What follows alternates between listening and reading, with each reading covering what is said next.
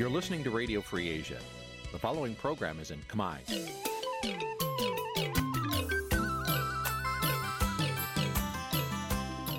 នេះជាកម្មវិធីផ្សាយ Vuthu Azizi Serai នេះជាកម្មវិធីផ្សាយរបស់ Vuthu Azizi Serai ជាភាសាខ្មែរ Vuthu Azizi Serai សូមស្វាគមន៍លោកអ្នកនាងទាំងអស់ពីរដ្ឋធានី Washington នៃសហរដ្ឋអាមេរិកចាប់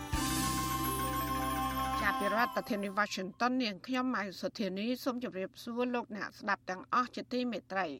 ចាយើងខ្ញុំសូមជូនការផ្សាយសម្រាប់ព្រឹកថ្ងៃសៅរ៍700ខែមិញឆ្នាំថោះបัญចស័កពុទ្ធសករាជ2567ហើយដល់ត្រូវនៅថ្ងៃទី2ខែមីនាគ្រិស្តសករាជ2024ជាដំបូងនេះសូមអញ្ជើញលោកអ្នកនាងកញ្ញាស្ដាប់ព័ត៌មានប្រចាំថ្ងៃដែលមានមេត្តាដូចតទៅ មន្ត្រីបពប្រឆាំងថាសមាជិកប្រតិភិបកកាន់អំណាចมันអាចជួយដោះស្រាយបញ្ហាបរដ្ឋបានទេអង្គការសិទ្ធិមនុស្សអំពាវនាវឲ្យដោះលែងកញ្ញាសេងធីរី និងកញ្ញាឈឹមស៊ីធមុនប្រពៃទិវានារីអន្តរជាតិលោកសសុខាប្រមានចាត់វិធានការច្បាប់ ចំពោះអ្នកប្រើប្រាស់ស្លាកលេខនគរបាលខុសគោលដៅ ជនជាតិដើមគួយនៅខេត្តកំពង់ធំធ្លាក់ខ្លួនក្រនិងធ្វើចំណាក់ស្រុកដោយសារអ្នកមានអំណាចរំលោភយកដីស្រែចម្ការពួកគាត់រួមនឹងព័ត៌មានសំខាន់សំខាន់មួយចំនួនទៀតចាស់ជាបន្តទៅទៀតនេះនាងខ្ញុំម៉ៅសុធានីសូមជូនព័ត៌មានទាំងនោះពឺស្ដាប់លោកដានៀងជាទីមេត្រីរដ្ឋាភិបាលការព្រឹកថ្ងៃទី1ខែមីនាសមិញ បានបោះឆ្នោតជ្រើសរើសលោកសុកអេសាន និងលោកហេងហាលឹមជាសមាជិកប្រតិភិមន្ត្រីគណៈបពប្រឆាំងលើកឡើងថាសមាជិកប្រតិភិរបស់គណៈបពប្រជាជនកម្ពុជាមិនអាចដោះស្រាយទុកលំបាករបស់បរដ្ឋបានទេហើយនឹងបញ្ហារំលោភសិទ្ធិមនុស្សចាលោកទីនរាការីយ៉ារីកាព័ត៌មាននេះមន្ត្រីគណៈបកប្រឆាំងមើលឃើញថាសមាជិកប្រសិទ្ធិរបស់គណៈបកកណ្ដាលអំណាចនឹងក្លាយជាអ្នកចាំប្រថាប់ត្រាឲ្យក្រុមគ្រួសារលោកហ៊ុនសែន ច្រើនជាងការពៀផលប្រយោជន៍របស់ប្រជាពលរដ្ឋអតីតតំណាងរាជគណៈបកសង្គ្រោះជាតិលោកអ៊ុំសំអានប្រាប់វិទ្យុអាស៊ីសេរីនៅថ្ងៃទី1មីនាថាលោកគ្មានជំនឿថាសមាជិកប្រសិទ្ធិថ្មី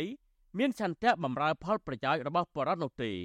ពីព្រោះកន្លងមក នៅពេលបរតរងការរំលោភសិទ្ធិមនុស្សតែងតែត្រូវបានសមាជិកប្រសិទ្ធិមិនអើពើ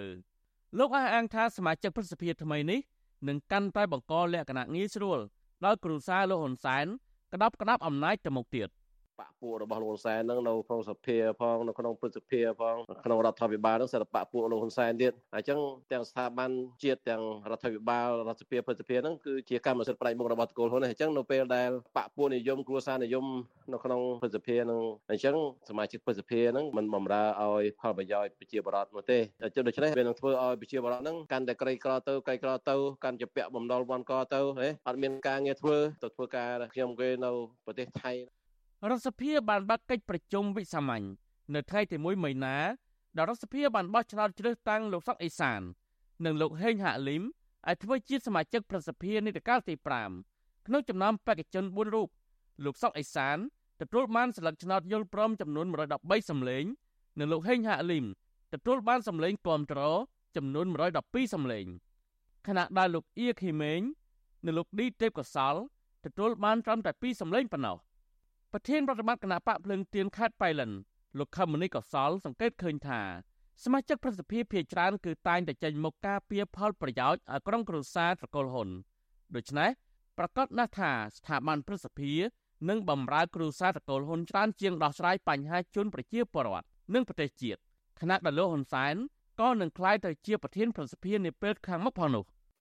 រើសមនុស្សទៅធ្វើការហ្នឹងគឺមិនផ្អែកទៅលើឧត្តមកតិឆន្ទៈរបស់វិជារាជទេគឺផ្អែកទៅលើភក្តីភាពទៅលើបុគ្គលជាពិសេសតកូលហ៊ុនហើយនឹងគណៈបកប្រជាជនតែប៉ុណ្ណឹងអញ្ចឹងទេការគិតគូរការថ្លឹងថ្លែងអំពីផលប្រយោជន៍ជាតិជាធំហ្នឹងគឺពួកគាត់មិនបានផ្ដល់តម្លៃមិនបានយកចិត្តទុកដាក់ទេច្បាប់ស្តីពីលក្ខន្តិកៈសមាជិកប្រសិទ្ធិមាត្រា2ចែងថាសមាជិកប្រសិទ្ធិគឺជាតំណាងរបស់ប្រជាជាតិខ្មែរទាំងមូល ពុំមែនគ្រាន់តែជាតំណាងឲ្យភូមិភាគរបស់ខ្លួននោះទេវិទ្យុអសិរ័យមិនអាចតកតងแนะនាំពាក្យគណៈបកប្រជាជនកម្ពុជាលោកសុកអេសាននិងប្រធានរដ្ឋសភាអ្នកស្រីខួនសូដារី ដើម្បីសំសួរអំពីបញ្ហានេះបានឡើយទេនៅថ្ងៃទី1មីនាតកតងនឹងរឿងនេះអ្នកសិក្សាកិច្ចការនយោបាយលោកប៉មករាយល់ឃើញថារដ្ឋសភាគួរតែផ្ដល់ឱកាសឲ្យយុវជនចំនួនក្រោយដែលមានសក្តានុពលជាជាងតែងតាំងមន្ត្រីចាស់ចាស់ឲ្យធ្វើជាសមាជិកប្រសិទ្ធិ លោកបន្តថាបើសិនជាសមាជិកប្រសិទ្ធិជាប់ឆ្នោតទាំងនោះស្ថិតនៅក្រោមអធិបុលនយោបាយនោះបញ្ហាប្រឈមរបស់ប្រជាពលរដ្ឋនឹងនៅតែបន្តកើតមានដដែល។ ដែលយកខ្លួនដាច់ស្រឡះពីគណៈបកនៅពេលដែលជាប់ជាតំណាងរាស្ត្រហ្នឹងវាធ្វើឲ្យការបំពេញតួនាទីហ្នឹងវាអត់បានគ្រប់ជ្រុងជ្រោយហើយពេញលេញល្អសិទ្ធិភាពការងារនៃការដោះស្រាយបញ្ហាហ្នឹងវានៅមានកម្រិតមានន័យថាការយឺតយ៉ាវនៃការអភិវឌ្ឍហ្នឹងជាងឃើញមានបញ្ហាច្រើនហើយសេដ្ឋកិច្ចហ្នឹងវាមិនសូវលូតលាស់ឲ្យប្រមាណទេពិសេសគឺពលរដ្ឋទូទៅក៏ដឹងថាប្រសិទ្ធភាពការងាររបស់តំណាងរាស្ត្រកន្លងមកហ្នឹងមានកម្រិតណាសមាជិកប្រសិទ្ធភាពទាំងអស់មានចំនួន62រូបក្នុងនោះ 58រូបត្រូវបានបោះឆ្នោតជ្រើសតាំងដោយអង្គបោះឆ្នោតដែលជាសមាជិកក្រុមប្រឹក្សាឃុំសង្កាត់និងសមាជិករដ្ឋសភាដោយជាការបោះឆ្នោតអសកល ហើយសមាជិករដ្ឋសភាជាអ្នកជ្រើសតាំង2រូបនិង2រូបទៀតត្រូវបានតែងតាំងដោយអង្គព្រះមហាក្សត្រក្នុងការបោះឆ្នោតជ្រើសតាំងសមាជិកប្រសិទ្ធិកាលពីថ្ងៃទី25កុម្ភៈគណៈបកប្រជាជនកម្ពុជាទទួលបាន55អាសនៈនិងគណៈបកចន្ទៈខ្មែរដែលតំណាងឲ្យសម្ព័ន្ធភាពឆ្ពោះទៅអនាគត ទទួលបាន3អាសនៈខ្ញុំបាទទីនសាការីយ៉ាអស៊ីសេរី ប្រធានីវ៉ាស៊ីនតោនចាលោកនាយកជាទីមេត្រីមជ្ឈមណ្ឌលសិទ្ធិមនុស្សកម្ពុជា អំពាវនាវឲ្យតុលាការដោះលែងនិងទម្លាក់បទចោទប្រឆាំងលើកញ្ញាសេងធីរីនិងកញ្ញាឈឹមស៊ីធនៅមន្ទីរនារីអន្តរជាតិ8មីនាចំណែកក្រុមអង្គការសង្គមស៊ីវិលចំនួន20ស្ថាប័នវិញក៏ក្រុងរួមគ្នាប្រពៃទិវានារីអន្តរជាតិ ខួបលើកទី113ក្រោមប្រធានបទធានាសិទ្ធិសេរីភាពស្ត្រីនិងក្មេងស្រីដើម្បីស្ថិរភាពសេដ្ឋកិច្ចនិងយុត្តិធម៌សង្គមចាកញ្ញាខណ្ឌលក្ខណារីកាព័ត៌មាននេះមជ្ឈមណ្ឌលសិទ្ធិមនុស្សកម្ពុជាហៅកាត់ថា CCHR ទទូចឲ្យរដ្ឋាភិបាល បញ្ចប់រាល់ទម្រង់នៃការយាយីលើស្ត្រីតស៊ូមតិសង្គមជាពិសេសលើអ្នកមានសម្លេងមិនស្របនឹងរដ្ឋាភិបាល សេចក្តីថ្លែងការណ៍របស់មជ្ឈមណ្ឌលសិទ្ធិមនុស្សកម្ពុជាចុះថ្ងៃទី29កុម្ភៈឲ្យដឹងថា CCHR នឹងបង្ហាញពីសកម្មភាពនៃការចូលរួមរបស់ស្ត្រីកម្ពុជានៅក្នុងសង្គមស៊ីវិលនិងការងារប្រកបដោយឆន្ទៈដ៏មោះមុតរបស់អ្នកការពារសិទ្ធិមនុស្សជាស្ត្រីព្រមទាំងលើកឡើងនៅបរិយាកាសប្រឈមលើអ្នកការពារសិទ្ធិមនុស្សជាស្ត្រី ដើម្បីអបអរទិវានារីអន្តរជាតិឆ្នាំនេះ CCHR បង្កើតនៅសកម្មភាពមួយចំនួន ដូចជា ការចេញផ្សាយវីដេអូនិយាយពីបញ្ហារបស់អ្នកការពារសិទ្ធិមនុស្សកញ្ញាសេងធីរីនិងកញ្ញាឈឹមស៊ីធការរៀបចំផ្សាយកម្មវិធីវិទ្យុក្រោមប្រធានបទអធិបុលស្ត្រីនិងការបង្ហោះសារផ្ដល់កម្លាំងចិត្តរបស់អ្នកការពារសិទ្ធិមនុស្សនិងអ្នកសារព័ត៌មានជាស្ត្រី ជាក់ស្ដែងនៅថ្ងៃទី1មីនាមជ្ឈមណ្ឌលសិទ្ធិមនុស្សកម្ពុជា បានបង្ហោះវីដេអូឃ្លីបជាង2នាទីនៅលើ Facebook ដោយបង្ហាញនៅរឿងរ៉ាវរបស់អ្នកការពារសិទ្ធិមនុស្សជាស្ត្រីគឺកញ្ញាសេងធីរីដែលត្រូវជាប់ពន្ធនាគារដោយសារសកម្មភាពសិទ្ធិមនុស្ស CCHR អំពាវនាវឲ្យដោះលែងនិងទម្លាក់ចោលបទចោទប្រកាន់ប្រឆាំងលើកញ្ញាសេងធីរីជាបន្ទាន់ព្រមទាំងបញ្ចប់រាល់ទម្រង់នៃការយាយីលើគាត់ និងអ្នកមានសម្លេងមិនស្រប វត្តឈីវអស៊ីសេរីមិនអាចសុំការអធិប្បាយរឿងនេះពីអ្នកនាំពាក្យក្រសួងយុតិធធលោកចិនម៉ាលីននិងប្រធានអង្គភិបអ្នកនាំពាក្យរដ្ឋាភិបាលលោកប៉ែនបូណាបានទេនៅថ្ងៃទី1មីនាដោយទូរស័ព្ទចូលគ្មានអ្នកទទួលតេតងការប្រពៃទិវានារីអន្តរជាតិនេះក្រុមអង្គការសង្គមស៊ីវិលចំនួន20ស្ថាប័ននៅថ្ងៃទី1មីនាបានចេញសេចក្តីប្រកាសព័ត៌មានរួមមួយថានឹងប្រពៃកម្មវិធីទិវានារីអន្តរជាតិខូបលើកទី113 ក្រោមប្រធានបទធានាសិទ្ធិសេរីភាពស្ត្រីនិងក្មេងស្រី ដើម្បីស្ថិរភាពសេដ្ឋកិច្ចនិងយុត្តិធម៌ចាប់ពីថ្ងៃទី1ដល់ថ្ងៃទី29មីនាដោយរៀបចំឲ្យមានកម្មវិធីវិទ្យុនិងការផ្សាយផ្ទាល់លើ Facebook ដែលមានប្រធានបទផ្សេងផ្សេងពាក់ព័ន្ធនឹងស្ត្រីនិងការបង្ហោះសូមរូបថតយុទ្ធនាការលើ Facebook ជាដើមចំណែកនៅថ្ងៃទី8មីនាអង្គការសង្គមស៊ីវិលចំនួន20ស្ថាប័ន នឹងជួបជុំគ្នានៅទីលានប្រជាធិបតេយ្យរាជធានីភ្នំពេញដែលមានអ្នកចូលរួមប្រមាណ500នាក់ដើម្បីលើកឡើងពីបញ្ហាប្រឈមរបស់ស្ត្រី និងស្វែងរកដំណោះស្រាយពីរដ្ឋាភិបាលនាយកទទួលបន្ទុកកិច្ចការទូតនៃអង្គការការពារសិទ្ធិមនុស្សលីកាដូលោកអមសំអាតប្រាប់វិសុអាស៊ីសេរីនៅថ្ងៃទី1មីនាថាការប្រពៃទិវានារីអន្តរជាតិនេះ ដើម្បីលើកកម្ពស់សិទ្ធិស្ត្រីនិងកុមារពីព្រោះកន្លងមកមានស្ត្រីជាថ្នាក់ដឹកនាំសហជីពស្ត្រីធ្វើការងារសង្គមនិងស្ត្រីដែលជាតំណាងសហគមន៍ដីធ្លីមួយចំនួន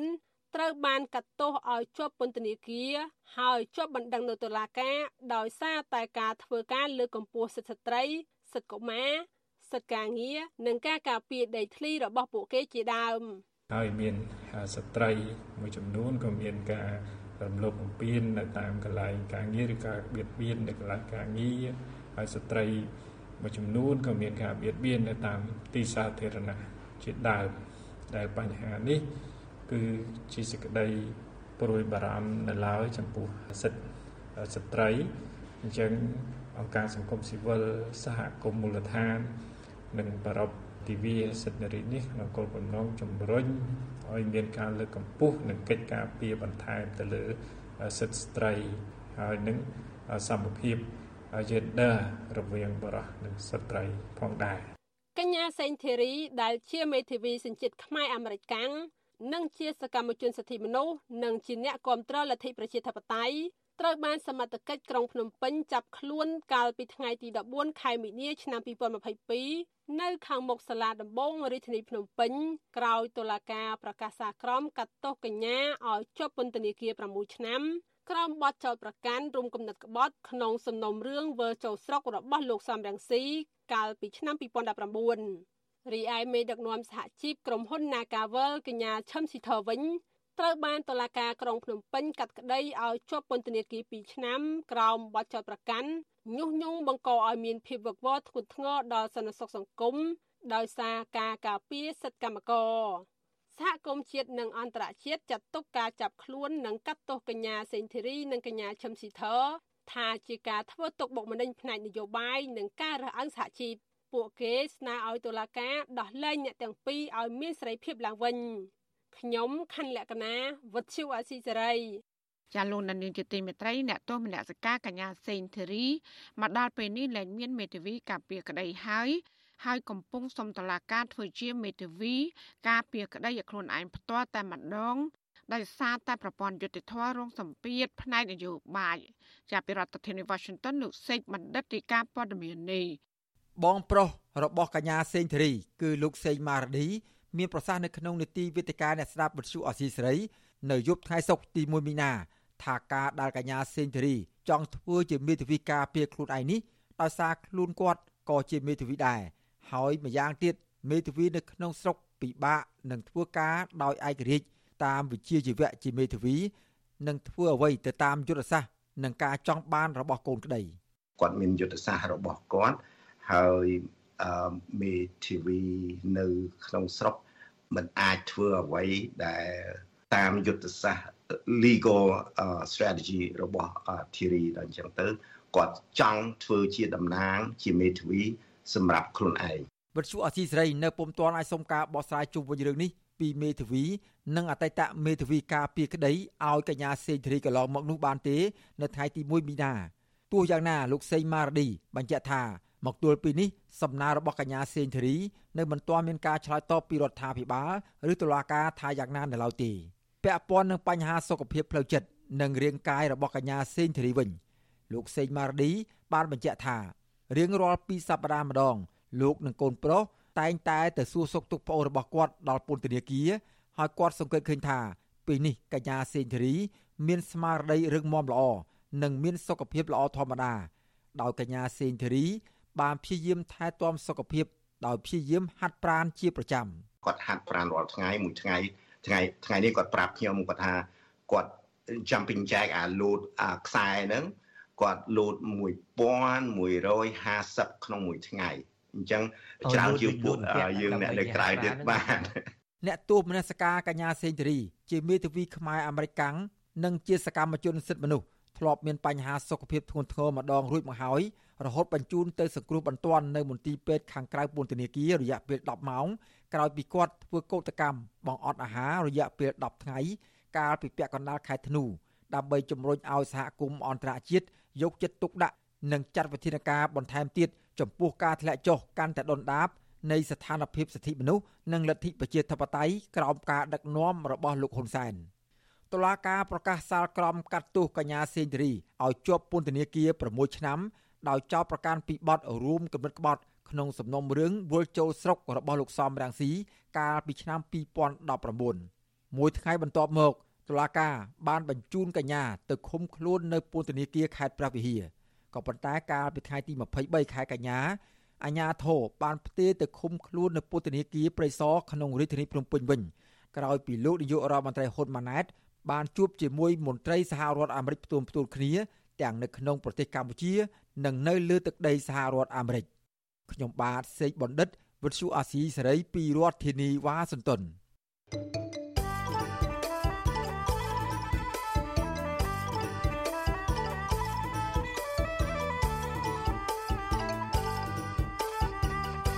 ចាលោកនាយកទីមេត្រីពាក់ព័ន្ធនឹងការដឹកនាំរបស់នាយករដ្ឋមន្ត្រីហ៊ុនម៉ាណែតវិញ លោកបញ្ជាឲ្យពង្រឹងការអនុវត្តច្បាប់ប្រឆាំងគ្រឿងញៀនលុបបំបាត់គ្រោះថ្នាក់ចរាចរណ៍និងបង្ក្រាបលបែងស៊ីសកមន្ត្រីសង្គមស៊ីវិលថាបាត់ល្មើសគឺនឹងមិនអាចធ្លាក់ចុះនោះទេប៉ះសិនបើអាញាធរមិនបង្ក្រាបឲ្យសកម្មម៉ងម៉ាត់និងកាត់ផ្ដាច់ប្រភពនៃការនាំចូលគ្រឿងញៀនហើយនឹងទីតាំងលបែងស៊ីសងទាំងនោះថ្លែងក្នុងពិធីសន្និបាតបុកសរុបការងារឆ្នាំ2023 នៅក្រសួងមហាផ្ទៃកាលពីថ្ងៃទី29ខែកុម្ភៈលោកហ៊ុនម៉ាណែតបានដាក់បទបញ្ជាអាជ្ញាធរពាក់ព័ន្ធអនុវត្តគោលនយោបាយភូមិឃុំមានសុវត្ថិភាពឲ្យមានប្រសិទ្ធភាពដោយផ្ដោតជាសំខាន់ទៅលើការពង្រឹងការអនុវត្តច្បាប់ប្រឆាំងគ្រឿងញៀនលុបបំបាត់គ្រោះថ្នាក់ចរាចរណ៍និងបង្ក្រាបលបែងស៊ីសង លោកហ៊ុនម៉ាណែតបានបញ្ជាឲ្យមន្ត្រីនិងអាជ្ញាធរមូលដ្ឋានឲ្យបង្ក្រាបគ្រឿងញៀនខុសច្បាប់នៅតាមមូលដ្ឋាននិងនៅតាមក្រសួងស្ថាប័នអនុវត្តច្បាប់ចរាចរណ៍ផ្លូវគោកឲ្យបានម៉ឺងម៉ាត់ដើម្បីលុបបំបាត់គ្រោះថ្នាក់ចរាចរណ៍ដែលប៉ះពាល់ដល់អាយុជីវិត ហើយនឹងបង្ក្រាបរាល់លបែងស៊ីសងខុសច្បាប់គ្រប់ប្រភេទ ការដាក់បញ្ជារបស់លោកហ៊ុនម៉ាណែតក្នុងពេលដែលបាត់ល្មើសគ្រឿងញៀនករណីគ្រោះថ្នាក់ចរាចរណ៍ហើយនិងបាត់ល្មើសលបែងស៊ីសង កំពុងកើនឡើងច្រើននាយកប្រតិបត្តិនៃសមាគមបណ្ដាញយុវជនកម្ពុជា លោកហេងកំហុងឲ្យដឹងថាប្រទេសកម្ពុជា មានច្បាប់គ្រប់គ្រាន់សម្រាប់ការបង្ក្រាបបទល្មើសគ្រឿងញៀន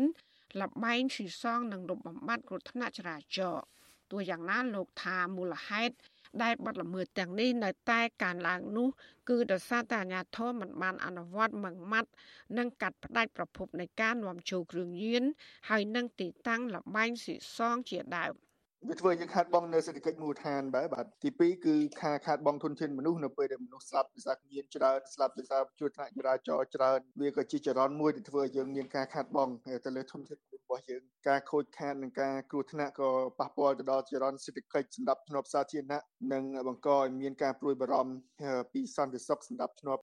លោកហេងកំហុងបន្ថែមថារដ្ឋាភិបាល គួរបន្ថែមយន្តការផ្សេងទៀតដូចជាការអប់រំបរដ្ឋឲ្យយល់ដឹងអំពីផលប៉ះពាល់នៃគ្រឿងញៀននិងលបែងស៊ីសងព្រមទាំងតម្រូវឲ្យបរដ្ឋគ្រប់រូបយល់ដឹងច្បាប់ចរាចរណ៍ផងដែរចាលោកដានៀងកញ្ញាជាទីមេត្រីដំណើរគ្នានឹងស្ដាប់ការផ្សាយរបស់វិទ្យុអសីស្រី តាមបណ្ដាញសង្គម Facebook YouTube និង Telegram លោកអ្នកនាងក៏អាចស្ដាប់ការផ្សាយរបស់យើងតាមរយៈរលក ធាតុអាកាសខ្លីឬ short wave តាមកម្រិតនិងកម្ពស់ដូចតទៅចាប់ពីព្រឹកចាប់ពីម៉ោង5កន្លះដល់ម៉ោង6កន្លះតាមរយៈប៉ុស SW 93.90 MHz ស្មើនឹងកម្ពស់ 32m និងប៉ុស SW 11.85 MHz ស្មើនឹងកម្ពស់ 25m ចាសម្រាប់ពេលយប់វិញ គឺចាប់ពីម៉ោង7កន្លះដល់ម៉ោង8កន្លះគឺតាមរយៈប៉ុស SW 93.30 MHz ស្មើនឹងកម្ពស់ 32m ប៉ុស SW 11.88 MHz ស្មើនឹងកម្ពស់ 25m និងប៉ុស SW 15.15 MHz ស្មើនឹងកម្ពស់ 20m ចាសសូមអរគុណ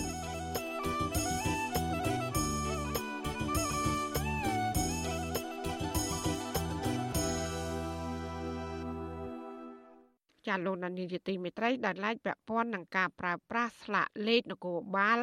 ខុសគោលដៅវិញរដ្ឋមន្ត្រីក្រសួងមហាផ្ទៃលោកសសុខាបានដាក់បញ្ជាឲ្យមន្ត្រីក្រមអាវ៉ាតយកចិត្តទុកដាក់ប្រើប្រាស់រថយន្តពាក់ស្លាកលេខ Nobo ឬនគរបាលឲ្យបានត្រឹមត្រូវនិងចាត់វិធានការចំពោះអ្នកប្រើប្រាស់ខុសគោលដៅ ថ្លែងក្នុងសន្និបាតត្រួតពិនិត្យលទ្ធផលការងារឆ្នាំ2023និងលើកទិដៅការងារឆ្នាំ2024របស់ក្រសួងមហាផ្ទៃលោកសសុខាបណ្ដាបញ្ជាឲ្យអគ្គស្នងការនគរបាលជាតិនិងស្នងការនគរបាលរាជធានីខេត្តទាំងអស់យកចិត្តទុកដាក់ចំពោះអ្នកប្រើប្រាស់លេខស្លាកនគរបាលលោកថាក្នុងករណីអ្នកប្រព្រឹត្តខុសច្បាប់អាជ្ញាធរត្រូវដកស្លាកលេខហើយឲ្យម្ចាស់ឡានទៅបង់ពន្ធតាមច្បាប់ ហើយស្លាកលេខនៅបនេះគឺប្រើប្រាស់បម្រើឲ្យសមត្ថកិច្ចនិងអង្គភាពតែប៉ុណ្ណោះការដាក់បញ្ជារបស់រដ្ឋមន្ត្រីក្រសួងមហាផ្ទៃនេះបន្ទាប់ពីមានសេចក្តីរាយការណ៍ពីករណីប្រើប្រាស់រថយន្តរបស់អង្គភាពមួយចំនួនខុសគោលដៅក្នុងនោះមានករណីប្រើប្រាស់យានយន្តពាក់ស្លាកលេខនគរបាលជិះទៅធ្វើការនៅកាស៊ីណូហើយអ្នកខ្លះជិះទៅឈប់នៅមុខ KTV ដែលមិនមែនជាប្រតិបត្តិការរបស់សមត្ថកិច្ច ជុំវិញរឿងនេះអ្នកប្រឹក្សាយោបល់ផ្នែកអភិវឌ្ឍផ្នែកគំនិត និងការស្រាវជ្រាវលោកសេកសុជាតិគាំទ្រចំពោះវិធានការរបស់រដ្ឋមន្ត្រីក្រសួងមហាផ្ទៃក៏ប៉ុន្តែលោកជំរុញអាជ្ញាធរអនុវត្តវិធានការនេះឲ្យបានម៉ឺងម៉ាត់ដើម្បីកុំឲ្យមន្ត្រីខិលខូចមួយចំនួនប្រើប្រាស់លេខស្លាកនគរបាលខុសគោលដៅ តាមរយៈបទពិសោធន៍កន្លងមកដែលយើងឃើញអ្នកដែលបើកបរជនដែលមានបំពាក់នៅស្លាកលេខរបស់នគរបាលទេភាគច្រើនមិនមែនជាមន្ត្រីនគរបាលយកទៅប្រើប្រាស់នៅក្នុងបេសកកម្មទេភាគច្រើនយើងឃើញថាជាលេខដែលគេយកទៅបំពាក់ទៅលើរថយន្តភាគច្រើនដែលយើងមើលឃើញគឺរថយន្តគ្រួសារឬក៏ជារថយន្តដែលមានបញ្ហាតាក់ទងជាមួយនឹងការបន្បងពុនចូលអីចឹងណាតែរថយន្តខុសច្បាប់អី កាលពីថ្ងៃទី28ខែកុម្ភៈក្រសួងការពារជាតិបានចេញសេចក្តីប្រកាសព្រមានចំពោះអ្នកប្រើប្រាស់ស្លាកលេខខេមរៈភូមិន្ទឬខមខុសគោលដៅដែលបង្កផលប៉ះពាល់ដល់សង្គមនិងកិត្តិយសរបស់ក្រសួងការពារជាតិចាក្រសួងក៏បានព្រមានចាត់វិធានការចំពោះអ្នកប្រើប្រាស់ស្លាកលេខខេមរៈភូមិន្ទដែលផ្ទុយនឹងគោលការណ៍ច្បាប់ហើយមិនអនុញ្ញាតឲ្យជនស៊ីវិលឬក៏ជនបរទេសអាចប្រើប្រាស់បានឡើយ។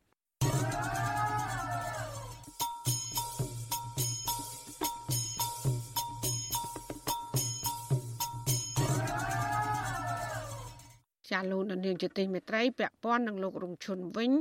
លោកហើយនឹងថ្នាក់ដឹកនាំគណៈបកកម្លាំងជាតិបានទៅបង់ប្រាក់វិន័យចំនួន2លានរៀលឬប្រមាណ500ដុល្លារអាមេរិកនៅសាលាដំបងរាជធានីភ្នំពេញកាលពីថ្ងៃសុក្រម្សិលមិញ មន្ត្រីសង្គមស៊ីវិលលើកឡើងថាការបន្តធ្វើទុកបុកម្នេញលើលោករងឈុនឆ្លោះបញ្ចាំងថាសេរីភាពបញ្ចេញមតិនៅប្រទេសកម្ពុជានៅតែរងការរដ្ឋបិទចានេះគឺជាសេចក្តីរាយការណ៍របស់លោកហ៊ុំចម្រើនជំវិញព័ត៌មាននេះទីប្រឹក្សាគណៈបកកម្លាំងជាតិលោករងឈុនបានដើរទៅបង់ប្រាក់ពិន័យ2លានរៀលនៅសាលាដំបងរាជធានីភ្នំពេញនៅថ្ងៃទី1ខែមីនា ដោយចាប់ផ្ដើមធ្វើដំណើរចេញពីកន្លែងចតឡាន នៅខាងត្បូងច្រកសាលាដំបងរាជធានីភ្នំពេញប្រមាណ200ម៉ែត្រអមដំណើរដោយថ្នាក់ដឹកនាំគណៈបកកម្លាំងជាតិនិងអ្នកគាំទ្រលោកប្រមាណ40នាក់និងមានមន្ត្រីអង្គការសង្គមស៊ីវិលមួយចំនួនតាមខ្លមើផងនោះក៏មានប្រជាពលរដ្ឋមួយចំនួនបានឆ្លៀតឱកាសបរិច្ចាគប្រាក់ដាក់ក្នុងឡាំងក្រដាសដើម្បីជួយបង់ថ្លៃពិន័យទៅតុលាការផងដែរថ្លែងដោយទឹកមុខស្វាហាប់ លោករងឈុនប្រាប់វិទ្យុអាស៊ីសេរីនៅថ្ងៃទី1ខែមីនាថាលោកថ្លែងអំណរគុណដល់ប្រជាពលរដ្ឋដែលបានបរិច្ចាគប្រាក់គ្រប់គ្រាន់បង់ពិន័យទៅសាលាដំបងរាជធានីភ្នំពេញលោកបន្តថាតាមរយៈការបរិច្ចាគប្រាក់របស់ប្រជាពលរដ្ឋគ្រប់ទិសទីនេះបញ្ជាក់ឲ្យឃើញថាបើទោះបីជារងការគំរាមកំហែងយ៉ាងណាក្តីតែប្រជាពលរដ្ឋជាច្រើននៅតែគាំទ្រលោកអ្នកលើកកម្ពស់អ្នកការពារសិទ្ធិមនុស្សនិងលើកកម្ពស់លទ្ធិប្រជាធិបតេយ្យ បើសិនជាយើងអ្នកនយោបាយមិនមានភាពស្មោះត្រង់ទៅនឹងដៃគូលទ្ធផលវានឹងត្រូវបានទទួលការកថាថ្កោលទោសពីជាតិនិងអន្តរជាតិហើយលើសពីនឹងតទៅទៀតជនរួមជាតិខ្មែរយើងនឹងទទួលរងគ្រោះក៏ដូចជាជាតិតាមរយៈដែលគេមិនសប្បាយចិត្តគេអាចដក EBA បង្ក GSP មិនបន្តឲ្យកម្ពុជាយើងហើយអ្នកដែលទទួលរងគ្រោះគឺប្រជាពលរដ្ឋខ្មែរនឹងឯង លិខិតបង្គាប់របស់សាលាដំបងរាជធានីភ្នំពេញដែលចុះហត្ថលេខារបស់ព្រះរាជអាជ្ញារង លោកឆាយកំហុងចុះកាលពីថ្ងៃទី18ខែកុម្ភៈបានបង្គាប់ឲ្យលោករងឈុនបង់ប្រាក់ពិន័យចំនួន2លានរៀលក្នុងសំណុំរឿងញុះញង់ឲ្យប្រព្រឹត្តអំពើឲ្យមានភាពបឹកបោធ្ងន់ធ្ងរដល់សន្តិសុខសង្គមពាក់ព័ន្ធនឹងសេចក្តីថ្លែងការណ៍និងសកម្មភាពរបស់លោកដែលចុះទៅពិនិត្យនៅតំបន់ព្រំដែនដែលប្រជាពលរដ្ឋអះអាងថាវៀតណាមរំលោភយកដីស្រែចម្ការរបស់ពួកគាត់ នៅខេត្តត្បូងឃ្មុំកាលពីឆ្នាំ2020សាលាដំបងរាជធានីភ្នំពេញបានផ្ដន្ទាទោសលោករងឈុនឲ្យជាប់ពន្ធនាគារ2ឆ្នាំប៉ុន្តែសាឡាវតូបានបន្ធូរបន្ថយទោសជាប់ពន្ធនាគារមកនៅត្រឹមរយៈពេល15ខែ11ថ្ងៃនៃទោសជាប់ពន្ធនាគារសរុប24ខែហើយទោសនៅសល់ត្រូវបានព្យួរនិងពិន័យជាប្រាក់2លានរៀលវិទ្យុ អាស៊ីសេរីមិនអាចតាក់ទងប្រធានអង្គភិបអ្នកនាំពាក្យរដ្ឋាភិបាលលោកប៉ែនបូណានិងអ្នកនាំពាក្យសាលាដំបងរាជធានីភ្នំពេញដើម្បីបកស្រាយបន្ថែមជុំវិញបញ្ហានេះបានទេនៅថ្ងៃទី1ខែមីនាជុំវិញរឿងនេះនាយកប្រតិបត្តិសម្ព័ន្ធដៃគូដើម្បីអភិវឌ្ឍតាមបែបលទ្ធិប្រជាធិបតេយ្យលោកសុនពេជ្រមានប្រសាសន៍ថាដោយសារតែលោករងឈុនមានកេរ្តិ៍ឈ្មោះល្បីល្បាញនិងជាអ្នកនយោបាយដែលមានទួនាទីខ្ពស់ផងនោះដូច្នោះការធ្វើទុកបុកម្នេញទាំងឡាយចំពោះលោករងឈុន ក៏អាចធ្វើឲ្យប៉ះពាល់ដល់សេរីភាពបញ្ចេញមតិរបស់ប្រជាពលរដ្ឋទូទៅផងដែរលោកបន្តថាដើម្បីលើកកម្ពស់ការអភិវឌ្ឍតាមបែបលទ្ធិប្រជាធិបតេយ្យរដ្ឋាភិបាលគួរតែបើកលំហសេរីភាពបញ្ចេញមតិជាជាងគម្រាមកំហែងដល់អ្នកដែលហ៊ានរិះគន់ចំណុចខ្វះខាតរបស់រដ្ឋាភិបាលការរដ្ឋបတ်សេរីភាពនិងការបញ្ចេញមតិឬក៏ការលើកឡើងនៅមតិយោបល់នានានេះវាអាចប៉ះពាល់ទៅដល់ផ្ទាល់ជាមួយនឹង ការផ្ដល់សេវារបស់មន្ត្រីសាធារណៈទៅពលរដ្ឋហើយទី2ក៏វាអាចនឹងផលជះជាអវិជ្ជមានមួយផ្នែកទៅនឹងការងារសេដ្ឋកិច្ចផងដែរព្រោះសេដ្ឋកិច្ចយើងដឹងទាំងអស់គ្នាថាវាជាការចូលរួមចំណែកមិនមែនពីតែមន្ត្រីសាធារណៈទេក៏វាមានការចូលរួមចំណែកពីប្រជាពលរដ្ឋដែរក្រៅពីតុលាការបង្គាប់ឲ្យបង់ប្រាក់ពីនៃនេះកាលពីពេលថ្មីថ្មីនេះគូជបក៏បានដាក់បំរាមមិនឲ្យលោកចូលរួមយុទ្ធនាការឃោសនាបោះឆ្នោតព្រឹទ្ធសភារបស់គណៈបកកម្លាំងជាតិដែរបន្ថែមពីនេះ ក្រសួងមហាផ្ទៃក៏ធ្លាប់ប្រមានរំលាយគណៈបកនយោបាយណាដែលទទួលលោករងឈុនចូលរួមជីវភាពនយោបាយដោយក្រសួងអះអាងថាលោកមិនទាន់មាននីតិសម្បទាគ្រប់គ្រាន់ដើម្បីធ្វើនយោបាយឡើងវិញនោះទេ លោករងឈុនលើកឡើងថាការយាយីសិទ្ធិធ្វើនយោបាយមកលើរូបលោកតាមគ្រប់រូបភាពបែបនេះគឺបង្ហាញថាអ្នកនយោបាយមួយចំនួននៅតែមិនហ៊ានប្រកួតប្រជែងនយោបាយដោយស្មារភាពជាមួយលោកនោះទេខ្ញុំបាទហុំចម្រើនវិទ្យុ អាស៊ីសេរីពីរដ្ឋធានី Washington ចាលោកដានៀងទីទីមេត្រីពីខេត្តបៃលិននៅវិញសកម្មជនគណៈបពប្រឆាំងនិងជាអតីតមន្ត្រីគ្រប់គ្រងរដ្ឋបាលនៅស្រុកសាលាក្រៅបានយកលិខិត ទៅដាក់នៅរដ្ឋបាលសាលាខេត្តបៃលិន និងមន្ត្រីមុខងារសាធារណៈខេត្តកាលពីថ្ងៃទី1ខែមីនាម្សិលមិញដើម្បីរកយុត្តិធម៌បន្ទាប់ពីអភិបាលស្រុកសាលាក្រៅ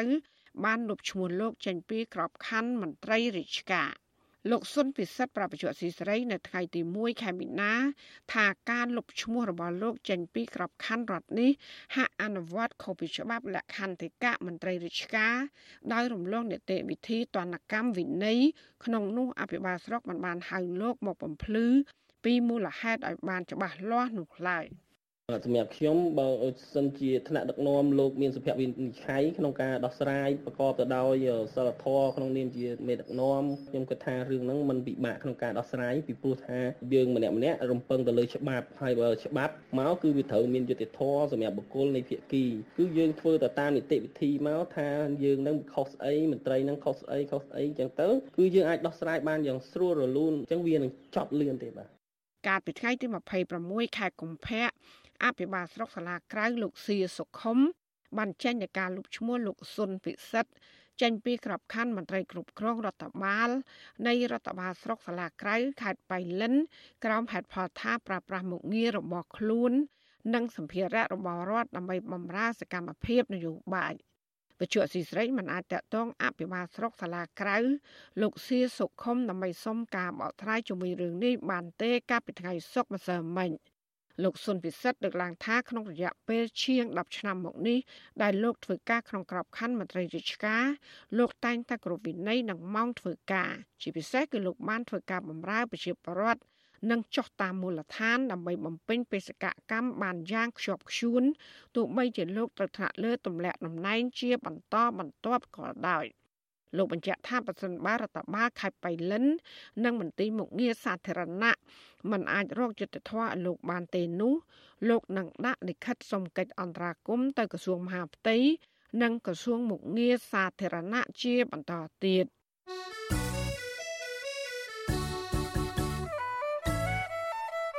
ជាលោកនានីជាទីមេត្រីកម្មវិធី podcast កម្ពុជាសប្តាហ៍នេះរបស់វិទ្យុអសីស្រីចេញផ្សាយនៅរៀងរាល់ព្រឹកថ្ងៃសៅរ៍ នៃសប្តាហ៍នីមួយៗម៉ោងនៅប្រទេសកម្ពុជាចាសសូមប្រិយមិត្តស្វែងរកនិងស្ដាប់ podcast របស់យើង នៅលើកម្មវិធី podcast របស់ Apple, Google និង Spotify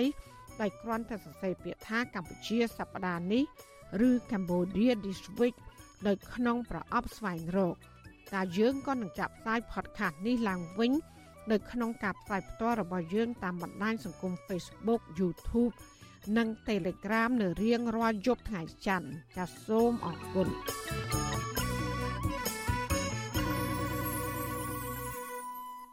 ចាលោកអនិយជាទីមេត្រីតកតងនឹងគម្រោង Red Book ក្រវ៉ានខាងត្បូងវិញ អង្គការឃ្លាំមើលសិទ្ធិមនុស្សអន្តរជាតិ Human Rights Watch រកឃើញថាគម្រោង Red Book នៅតំបន់ឧទ្យានជាតិភ្នំក្រវ៉ានខាងត្បូងដែលស្ថិតនៅខេត្តកោះកុងនិងខេត្តពោធិ៍សាត់ បានបណ្ដឹងចេញនិងដុតបំផ្លាញត្រែចម្ការហើយនឹងផ្ទះសម្បែងរបស់ជនជាតិដើមភាគតិចជងក្រោមហេតុផលអភិរក្ស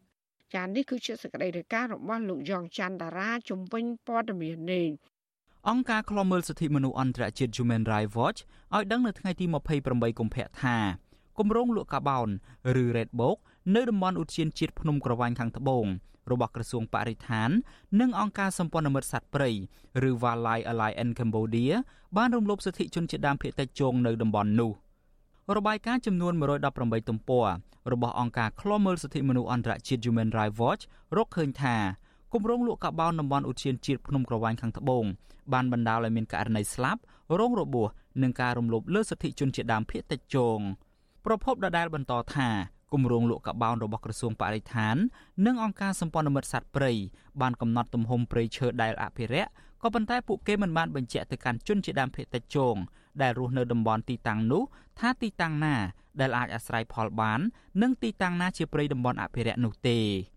អង្គការឃ្លាំមើលសិទ្ធិមនុស្សអន្តរជាតិ Human Rights Watch បានសម្ភាសគ្រួសារជនជាដើមភាគតិចជងហើយពួកគាត់លើកឡើងថាមន្ត្រីអនុរិយកកងរាជអាវុធហត្ថ និងបុគ្គលិកអង្គការសម្ព័ន្ធមិត្តសត្វព្រៃបានបណ្ដេញពួកគាត់ចេញពីចំការវិលជុំដែលបានអាស្រ័យផលរាប់រយឆ្នាំមកហើយក្នុងករណីខ្លះសមាជិកសហគមន៍ត្រូវបានចាប់ខ្លួន និងឃុំខ្លួនអស់ជាច្រើនខែដោយគ្មានការជំនុំជម្រះទៀតផង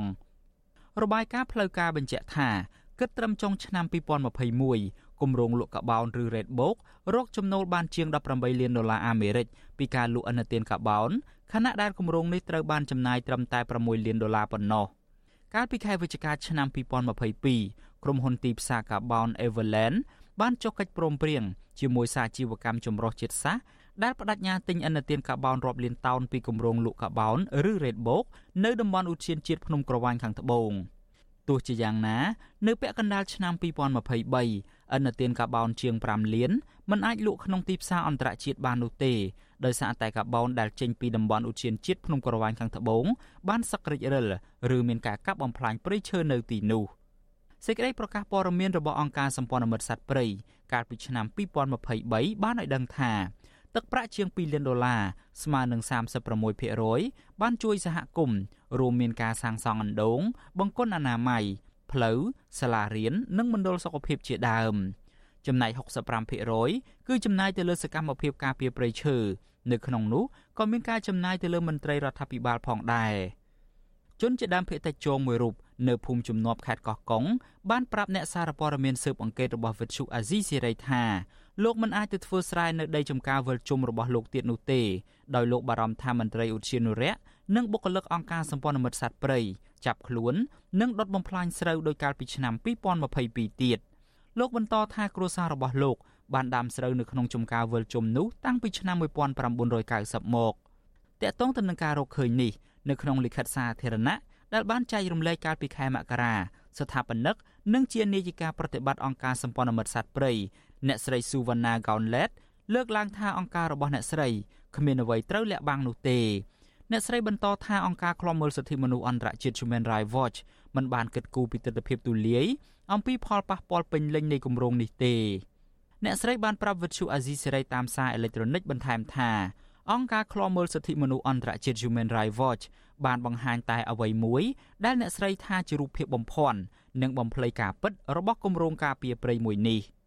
វិទ្យុអាស៊ីសេរីមិនទាន់អាចសុំការឆ្លើយតបរឿងនេះបន្ថែម ពីអ្នកនាំពាក្យក្រសួងបរិស្ថាន លោកជួបប៉ារីសនិងអភិបាលខេត្តកោះកុងអ្នកស្រីមិថុនាភូថងបានទេ នៅថ្ងៃទី29ខែកុម្ភៈតកតងទៅនឹងរឿងនេះនាយកប្រតិបត្តិនៃសមាគមបណ្ដាញយុវជនកម្ពុជា លោកហេងកំហុងលើកឡើងថារវាងសិទ្ធិជនជាតិដើមភាគតិចនិងការលក់អនុទានកាបោនគឺសុទ្ធតែមានសារៈសំខាន់ដូចគ្នាលោកថាអង្គការសម្ព័ន្ធមិត្តសត្វព្រៃក្រសួងបរិស្ថាន និងសហគមន៍ជនជាតិដើមភាគតិច គួរតែពិភាក្សាគ្នាម្ដងទៀតដើម្បីរកចំណុចរួមមួយ។ជនជាតិដើមភាគតិចចុងក៏ដូចជាអង្គការ Wildlife Alliance ត្រូវធ្វើការពិភាក្សាគ្នាឲ្យកំណត់ឲ្យបានច្បាស់លាស់នៅអ្វីដែលធ្វើបានឬក៏មិនបានដើម្បីជៀសវាងការព្រួយបារម្ភជៀសវាងការបង្កការរំលោភទៅលើសិទ្ធិរបស់ជនជាតិដើមនៅនោះដូច្នេះខ្ញុំយល់ថាលទ្ធភាពដែលដោះស្រាយបញ្ហានេះបានភាគីទាំង3មានក្រសួងបរិស្ថានមួយទៀតនឹងត្រូវធ្វើការពិភាក្សាគ្នាជនជាតិដើមភាគតិចជង កំពុងរស់នៅក្នុងភូមិចំនួន11នៅក្នុងចំណោមភូមិចំនួន29ដែលត្រូវបានដាក់បញ្ចូលនៅក្នុងគម្រោងលក់កាបោនឬរ៉េតបូកពួកគាត់បានរស់នៅក្នុងតំបន់ជួរភ្នំក្រវាញនេះជាច្រើនសតវត្សមកហើយនៅក្នុងចំណោមភូមិទាំង11នោះមានភូមិចំនួន8ស្ថិតនៅក្នុងឃុំជំនាប់ឃុំប្រឡាយនិងឃុំថ្មដូនពៅនៃស្រុកថ្មបាំងខេត្តកោះកុងនិងភូមិចំនួន3ទៀតស្ថិតនៅក្នុងឃុំអូសោមស្រុកវាលវែងខេត្តពោធិ៍សាត់ នៅថ្ងៃទី24ខែមករាឆ្នាំ2017ក្រសួងបរិស្ថាននិងអង្គការសម្ព័ន្ធមិត្តសត្វព្រៃបានចុះហត្ថលេខាលើកិច្ចព្រមព្រៀងនៅក្នុងការរៀបចំគម្រោងរ៉េតបូកជួរភ្នំក្រវាញដែលធំជាងគេនៅកម្ពុជាប្រមាណ5សែនហិកតានៅក្នុងឧទ្យានជាតិក្រវាញខាងត្បូងនិងដែនជម្រកសត្វព្រៃតាតៃដើម្បីចូលរួមនៅក្នុងការកាត់បន្ថយការប្រែប្រួលអាកាសធាតុតាមរយៈការផ្ដល់តម្លៃដល់ព្រៃឈើខ្ញុំយ៉ងច័ន្ទដារាវិទ្យុអាស៊ីសេរី Washington ចាលោកនាយកជាទីមេត្រីនៅឯខេត្តកំពង់ធំឯនោះវិញស្ត្រីជនជាតិដើមភាគតិចគួយជាច្រើនគូសាធ្លាក់ខ្លួនក្រីក្រនិងខ្លះទៀតធ្វើចំណាក់ស្រុកដោយសារតែអ្នកមានអំណាចរំលោភយកដីស្រែចម្ការគេឪពុកម្ដាយនិងប្រៃអាស្រ័យផលរបស់ពួកគាត់អស់ទាំងស្រុងអ្នកភូមិអះអាងថាអាញាធរលំអៀងទៅខាងភៀកគីអ្នកមានលុយមានអំណាចធ្វើឲ្យជនជាតិដើមភាគតិច ត្រូវគេមើងងាយឬអើងនិងរំលោភសិទ្ធិជាបន្តបន្ទាប់ចាសសេចក្តីរាយការណ៍ពីស្ដាមពីរឿងនេះលោកណានៀងក៏នឹងបានស្ដាប់នាពេលបន្តិចទៀតនេះ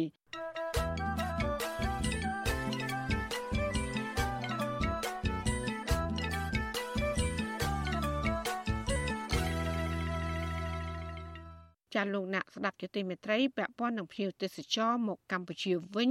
រដ្ឋាភិបាលកម្ពុជាកំពុងប្រឹងប្រែងតាក់ទាញអ្នកទេសចរបរទេសជាពិសេសគឺជនជាតិចិនឲ្យបានកាន់តែច្រើនសម្រាប់ស្វែងរកចំណូលថវិកាជាតិប៉ុន្តែកំណើនភ្ញៀវទេសចរបរទេសมันបានឆ្លើយតបទៅនឹងកិច្ចខំប្រឹងប្រែងតាក់ទាញនេះទេដោយសារតែភ្ញៀវទេសចរព្រួយបារម្ភអំពីសុវត្ថិភាពចាអ្នកស្រីសុជីវីមានសេចក្តីរាយការណ៍ជំវិញព័ត៌មាននេះ កម្ពុជាគួរតែពង្រឹងវិធានការការពារសន្តិសុខសុវត្ថិភាពឲ្យមានប្រសិទ្ធភាពដើម្បីផ្ដល់ភាពកក់ក្ដៅដល់សង្គមនិងអ្នកទេសចរឲ្យបានល្អសិនទើបអាចតេទៀងភ្ញៀវទេសចរចិននិងបរទេសឲ្យចូលមកកំសាន្តបានប្រសើរឡើងវិញនេះបើតាមការយល់ឃើញរបស់អ្នកវិភាគសង្គមនិងនយោបាយអ្នកជំនាញប្រឹក្សាយោបល់ផ្នែកអភិវឌ្ឍផ្នត់គំនិតនិងការស្រាវជ្រាវលោកសេសុជាតិយល់ថាបច្ចុប្បន្ននេះដើម្បីតេទៀងភ្ញៀវទេសចរចិន និងទេសចរពីប្រទេសដទៃទៀតឲ្យមកលេងកម្ពុជាបានច្រើនចាំបាច់កម្ពុជាត្រូវពង្រឹងសន្តិសុខនិងសុវត្ថិភាពសម្រាប់ជនបរទេស។ យើងដឹងហើយថាបញ្ហាភ្ញៀវទេសចរទោះបីជាយើងមិនយកថ្លៃទឹកតកាក៏គាត់មិនហ៊ានមកដែរដោយសារតែកម្ពុជាធ្លាប់មានបញ្ហារឿងការបំពុលអំពី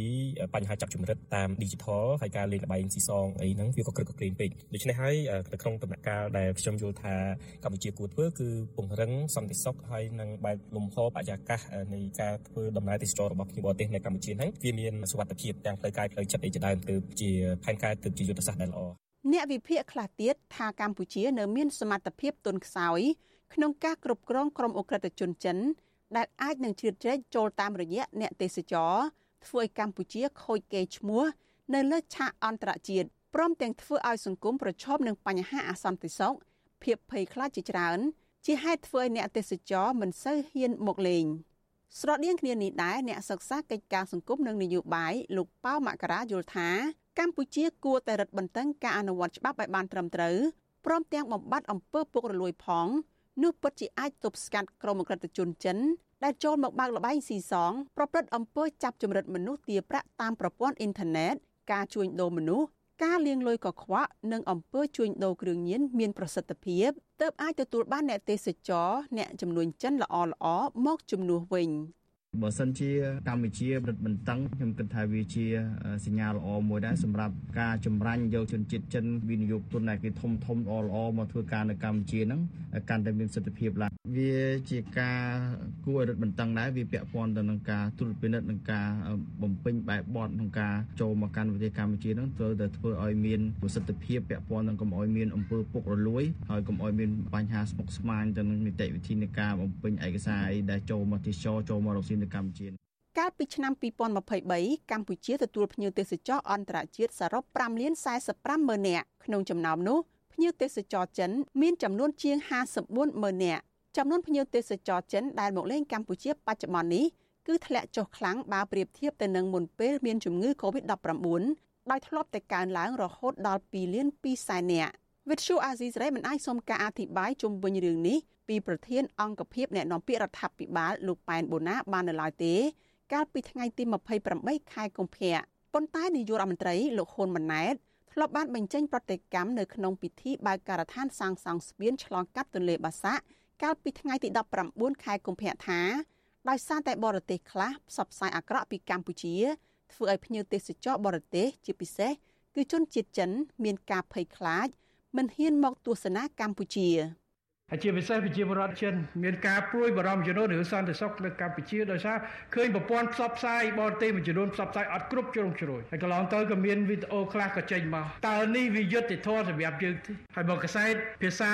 បរទេសនៅនេះយកទៅចាប់តាមទៀតឲ្យជនជាតិបរទេសនៅកម្ពុជានៅក្រៅបានយល់ផងឲ្យឃើញទៅថារឿងខ្លះវាបង្កើតពីការប្រឌិតវាមិនមែនការពិតឲ្យគេយល់ផងទៅ របាយការណ៍របស់ក្រសួងមហាផ្ទៃឲ្យដឹងទៀតថាក្នុងឆ្នាំ2023បទល្មើសអ ுக ្រិតកម្មបានកើនឡើងចំនួនជាង600ករណីហើយសមត្ថកិច្ចឃាត់ខ្លួនមនុស្សជាង1000នាក់ពាក់ព័ន្ធនឹងបទល្មើសគ្រឿងញៀនគឺមានចំនួនជាង7000ករណីដោយសមត្ថកិច្ចបានឃាត់ខ្លួនមនុស្សចំនួនជាង17000នាក់ដែលក្នុងចំណោមនោះមានជនបរទេសចំនួនជាង400នាក់មកពី15សញ្ជាតិនាងខ្ញុំសុជីវីវិទ្យុអាស៊ីសេរី ពីរដ្ឋធានី Washington ចាលោកដានីជាទីមេត្រីក្នុងឱកាសនេះដែរនាងខ្ញុំសូមថ្លែងអំណរគុណដល់លោកដានីកញ្ញាទាំងអស់ដែលតែងតែមានភក្ដីភាព ចំពោះការផ្សាយរបស់យើងហើយចាត់ទុកការស្ដាប់វិទ្យុអសីសេរី គឺជាផ្នែកមួយនៃសកម្មភាពប្រចាំថ្ងៃរបស់លោកអ្នកការគ្រប់គ្រងរបស់លោកដានីងនេះហើយដែលធ្វើយើងខ្ញុំមានទឹកចិត្តកាន់តែខ្លាំងថែមទៀត ក្នុងការស្វែងរកនិងផ្តល់ព័ត៌មានជូនដល់លោកដានីងចាំមានអ្នកស្ដាប់អ្នកទេសនាកាន់តែច្រើនកាន់តែធ្វើយើងខ្ញុំមានភាពស្វាហាប់មោះមុតជាបន្តទៀតចាយើងខ្ញុំសូមអរគុណទុកជាមុនហើយក៏សូមអញ្ជើញលោកដានៀងកញ្ញាចូលរួមជំរុញឲ្យសកម្មភាពផ្ដល់ព័ត៌មានរបស់យើងនេះកាន់តែជោគជ័យបន្ថែមទៀតលោកដានៀងអាចជួយយើងខ្ញុំបាន ដោយគ្រាន់តែចុចចែករំលែកឬ share ការផ្សាយរបស់យើងនេះនៅលើបណ្ដាញសង្គម Facebook និង YouTube ទៅកាន់មិត្តភ័ក្តិដើម្បីឲ្យការផ្សាយរបស់យើងនេះបានទៅដល់មនុស្សកាន់តែច្រើនចាសសូមអរគុណចាលោកនានីជាទីមេត្រីនៅឯខេត្តកំពង់ធំឯនោះវិញស្ត្រីជនជាតិដើមភាគតិចគួយជាច្រើនគូសាធ្លាក់ខ្លួនក្រីក្រនិងខ្លះទៀតធ្វើចំណាក់ស្រុក ដោយសារតែអ្នកមានអំណាចរំលោភយកដីស្រែចម្ការគេឪពុកម្ដាយនិងប្រៃអាស្រ័យផលរបស់ពួកគាត់អស់ទាំងស្រុង។អ្នកភូមិអះអាងថាអាញាធរលំអៀងទៅខាងភៀកគីអ្នកមានលុយមានអំណាចធ្វើឲ្យជនជាតិដើមភៀកតិចត្រូវគេមើងងាយឬអើងនិងរំលោភសិទ្ធិជាបន្តបន្ទាប់ចាប់ពីរដ្ឋធានី Washington លោកទីនហ្សាការីយ៉ារីកាពឹស្ដាជំវិញព័ត៌មាននេះ ជនជាតិដើមភាគតិចគួយឲ្យដឹងថាពួកគាត់រងភាពអយុត្តិធម៌ម្ដងហើយម្ដងទៀតដោយសារតែដីស្រែចម្ការគេពីដូនតា និងប្រៃអាស្រ័យផលដោយពួកគាត់បានបង្កបង្កើនផលមុនឆ្នាំ1579មកនោះមានទំហំជាង70ហិកតាត្រូវបានអ្នកស្រីកែវលក្ខណាដែលជាភរិយាអង្គញាហៈប៊ុនថារំលោភយកទាំងស្រុងកាលពីឆ្នាំ2020ប្រទេសនោះមានចំនួន33គ្រួសាររស់នៅភូមិតាឡែក ឃុំសាឡាវិស័យស្រុកប្រាសាទបាឡាំងខេត្តកំពង់ធំជាប់ព្រំដែនខេត្តព្រះវិហារកំពុងតែជួបការលំបាកខ្វះខាតដីបង្កបង្កើនផលចិញ្ចឹមជីវិតហើយមកទល់ពេលនេះពួកគាត់ធ្វើចំណាកស្រុកជាបន្តបន្ទាប់តំណាងបរដ្ឋលោកស្រីងួនហៀងប្រាប់វិទ្យុអាស៊ីសេរីកាលពីថ្ងៃទី1មីនាថាគ្រួសារលោកស្រីមានដី6ហិកតាក្នុងនោះដីស្រែ1ហិកតាដីចម្ការស្វាយចន្ទី2ហិកតា និងដំណាំផ្សេងផ្សេងទៀត3ហិកតា ត្រូវបានកម្មកររបស់អ្នកស្រីកែវលក្ខណាឈូសឆាយបំផ្លាញរំលោភយកទាំងស្រុងជាង4ឆ្នាំមកហើយលោកស្រីបន្តថាបរដ្ឋស្នើសុំកិច្ចអន្តរាគមន៍ទៅអាជ្ញាធរជាតិនិងសាលាខេត្តព្រះវិហារក៏ប៉ុន្តែគ្មានបានផលឡាយមកទល់ពេលនេះផ្ទុយទៅវិញលោកស្រីនិងស្វាមីបែរជាជាប់បណ្ដឹងនៅតុលាការ អយុធធម៌ឲ្យលោកគ្រូដោយសារយើងអាស្រ័យផលរបស់នៅក្នុងព្រៃរបស់យើងធ្លាប់ជាងការវិលជុំហើយដល់ពេលយើងអត់មានដំណោះដល់ស្រ័យយើងមានតំណាំដូចជាស្រូវដូចជាអីយើងដាំគាត់ពំផ្លាញយើងអត់ដោះមានដំណោះដល់ស្រ័យអញ្ចឹងអាញាធัวខាងខេត្តព្រះវិហារគាត់អត់យកចិត្តទុកដាក់ជួយដល់ស្រ័យដល់ប្រជាពលរដ្ឋតែមិនមានមុខរបរមានស្រែចម្ការនៅធ្លាប់ធ្វើនៅកន្លែងនោះហ៎អ្នកភូមិអះអាងថានៅមុនឆ្នាំ2012នៅពេលមិនទាន់មានវត្តមានក្រុមហ៊ុនទ្រីភិប និងក្រុមហ៊ុនរបស់អ្នកស្រីកៅលក្ខណាវិនិយោគនៅតំបន់នោះអ្នកភូមិរស់នៅសពសាន មានជីវភាពធូរធារព្រោះតំបន់ដែលពួកគាត់រស់នៅសម្បូរព្រៃឈើក្រាស់ខ្មឹកនិងដីស្រែចម្ការរីឯក្រុមហ៊ុនទ្រីភិបក៏ធ្លាប់ធ្វើសកម្មភាពឈូសឆាយនិងកាប់បំផ្លាញព្រៃឈើនៅតំបន់នោះអស់ជាច្រើនហិកតា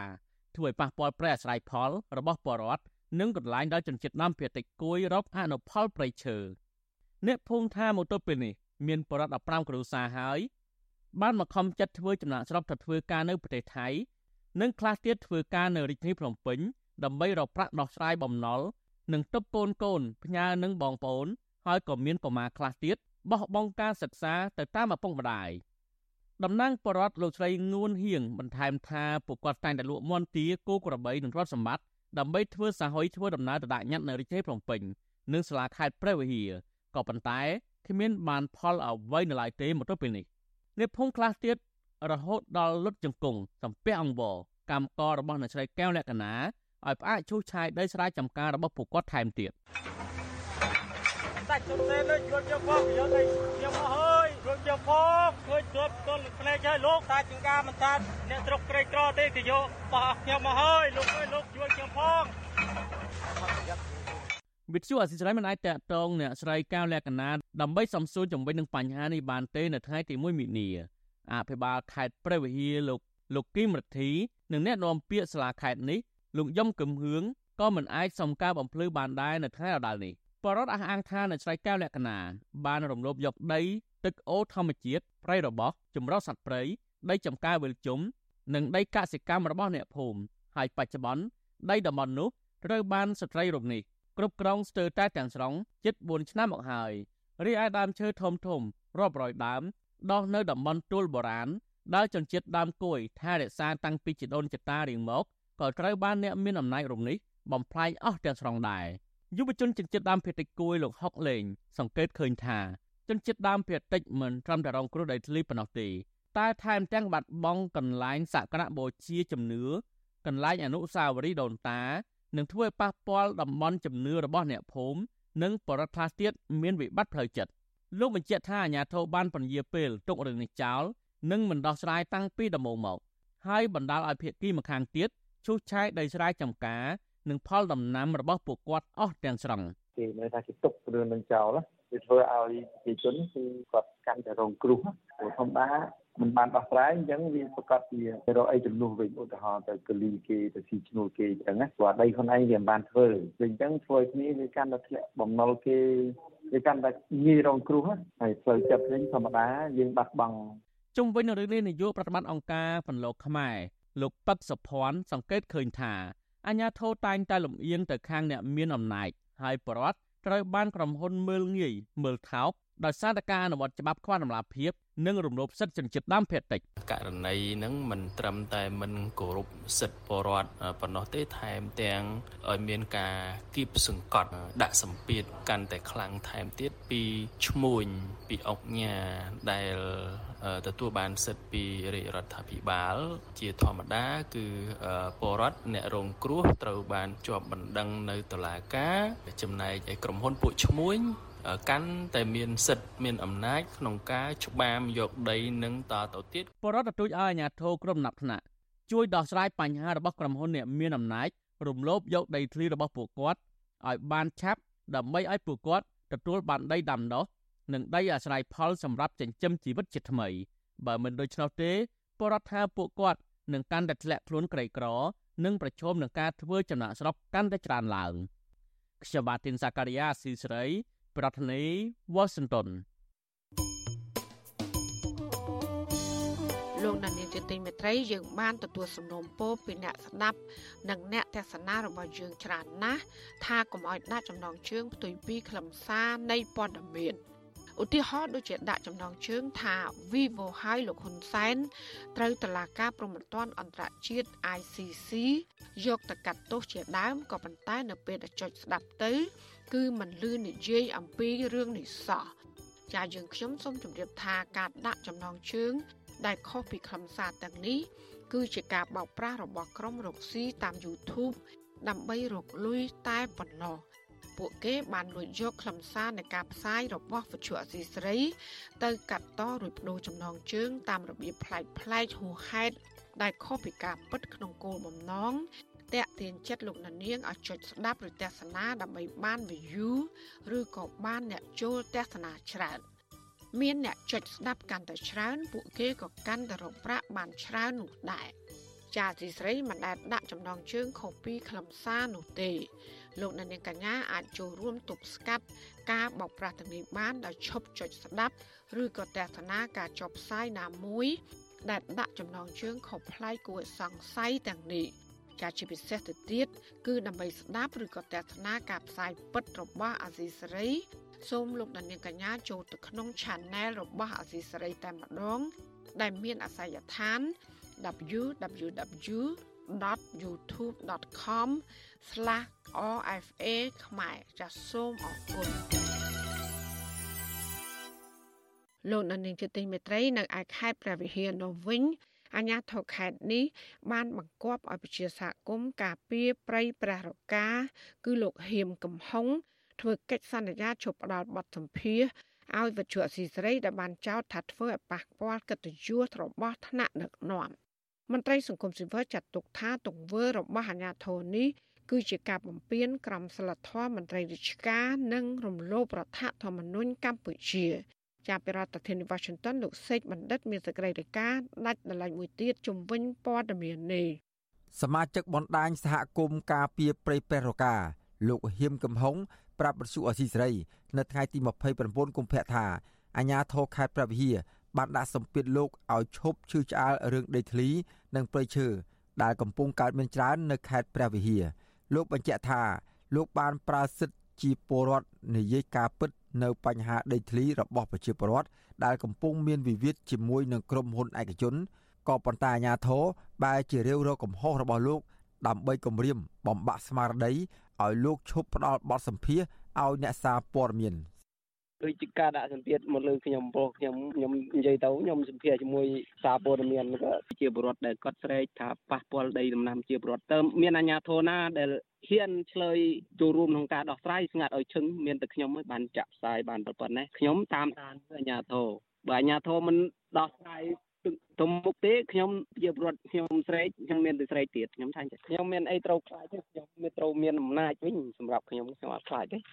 កាលពីថ្ងៃទី27កុម្ភៈមន្ត្រីការិយាល័យមន្ទីរកសិកម្មសុកឆែបលោកលីងស៊ីមឡូតនៃផ្នែករដ្ឋបាលព្រៃឈើលោកសេងលៀងនិងមេឃុំសង្កែមួយលោកលេវសុផល រួមទាំងសមត្ថកិច្ចបានបង្គាប់ឲ្យលោកហ៊ៀមកំហុងធ្វើកិច្ចសន្យា ក្នុងប៉ុស្តិ៍នគរបាលសង្កែមួយកិច្ចសន្យា ដែលវិទ្យុអស៊ីសេរីទទួលបាន គឺលោកហ៊ៀមកំហុងបានផ្តិតមេដៃសន្យាឈប់ផ្ដល់បទសម្ភាសដល់វិទ្យុអស៊ីសេរី និងបញ្ឈប់សកម្មភាពទាំងឡាយណាដែលធ្វើឲ្យប៉ះពាល់ដល់កិត្តិយសថ្នាក់ដឹកនាំប្រសិនបើពលរដ្ឋរូបនេះមិនគោរពតាមកិច្ចសន្យាទេនឹងទទួលខុសត្រូវចំពោះមុខច្បាប់វិទ្យុអាស៊ីសេរីនៅពុំទាន់អាចតាក់ទងអភិបាលខេត្តព្រះវិហារដើម្បីសុំការអធិប្បាយជុំវិញបញ្ហានេះបានទេ នៅថ្ងៃទី29កុម្ភៈ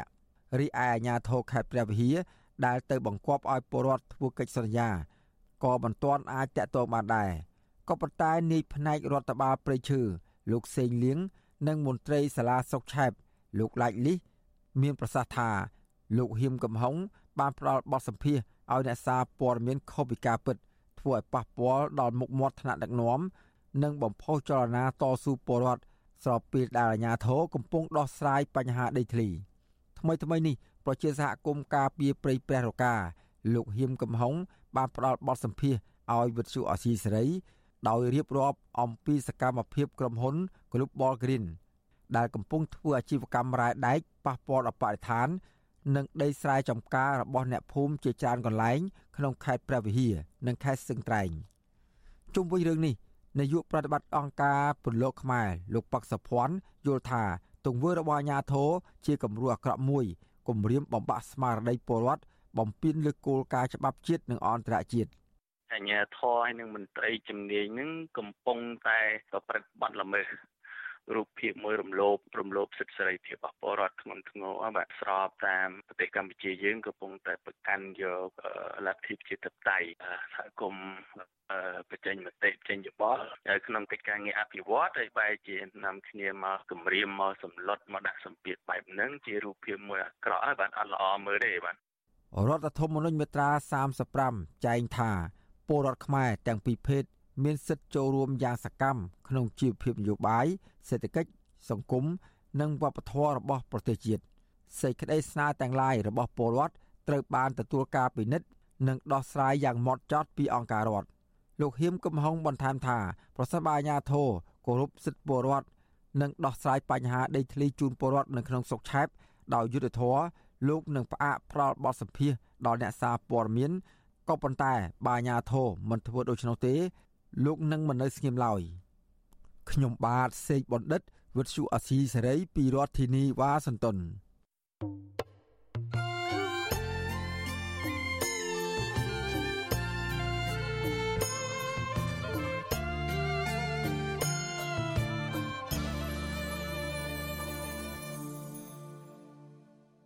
ចាលោកលានាងកញ្ញាអ្នកស្ដាប់ជាទីមេត្រីការផ្សាយរយៈពេល1ម៉ោងរបស់វិទ្យុអាស៊ីស្រីជាភាសាខ្មែរនៅពេលនេះចាប់តែប៉ុណ្ណេះ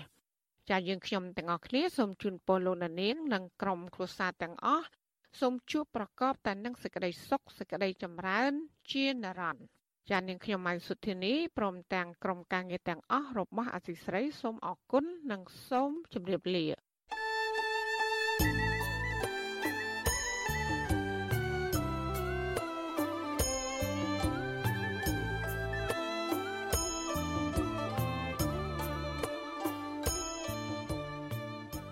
វិទ្យុអេស៊ីសេរីផ្សាយតាមរលក ធារកាសខ្លីតាមកម្រិត និងកម្ពស់ដូចតទៅនេះ ពេលព្រឹកចាប់ពីម៉ោង5កន្លះដល់ម៉ោង6កន្លះតាមរយៈប៉ុស SW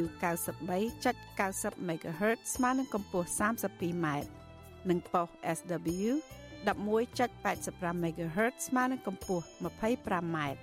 ពេលយប់ចាប់ពីម៉ោង7កន្លះដល់ម៉ោង8កន្លះតាមរយៈប៉ុស SW 93.30 MHz ស្មើនឹងកម្ពស់ 32m ប៉ុស SW 11.88 MHz ស្មើនឹងកម្ពស់ 25m និងប៉ុស SW 15.15 MHz ស្មើនឹងកម្ពស់ 20m លោកអ្នកនាងក៏អាចស្ដាប់និងទស្សនាការផ្សាយផ្ទាល់នៅលើគេហទំព័រ Visual Asia សេរីតាមរយៈអាសយដ្ឋាន rfa.org/ ខ្មែរក្រៅពីនេះលោកអ្នកនាងក៏អាចអាននិងទស្សនាព័ត៌មាន Visual Asia សេរីលើទូរស័ព្ទដៃរបស់លោកអ្នកនាងផ្ទាល់ សូមអញ្ជើញលោកអ្នកនាងដំឡើងកម្មវិធី Vithu Azizi សេរីនៅលើទូរស័ព្ទដៃរបស់លោកអ្នកនាងឬស្វែងរក Vithu Azizi សេរីនៅលើ YouTube ឬ Facebook ដោយស្វែងរកពាក្យថា Vithu Azizi សេរីឬ RFA ខ្មែរសូមលោកអ្នកនាងចុច like follow និងចុច subscribe ដើម្បីទទួលបានព័ត៌មានថ្មីៗតាមហេតុការណ៍និងទស្សនាវីដេអូផ្សេងៗទៀតបានគ្រប់ពេលវេលា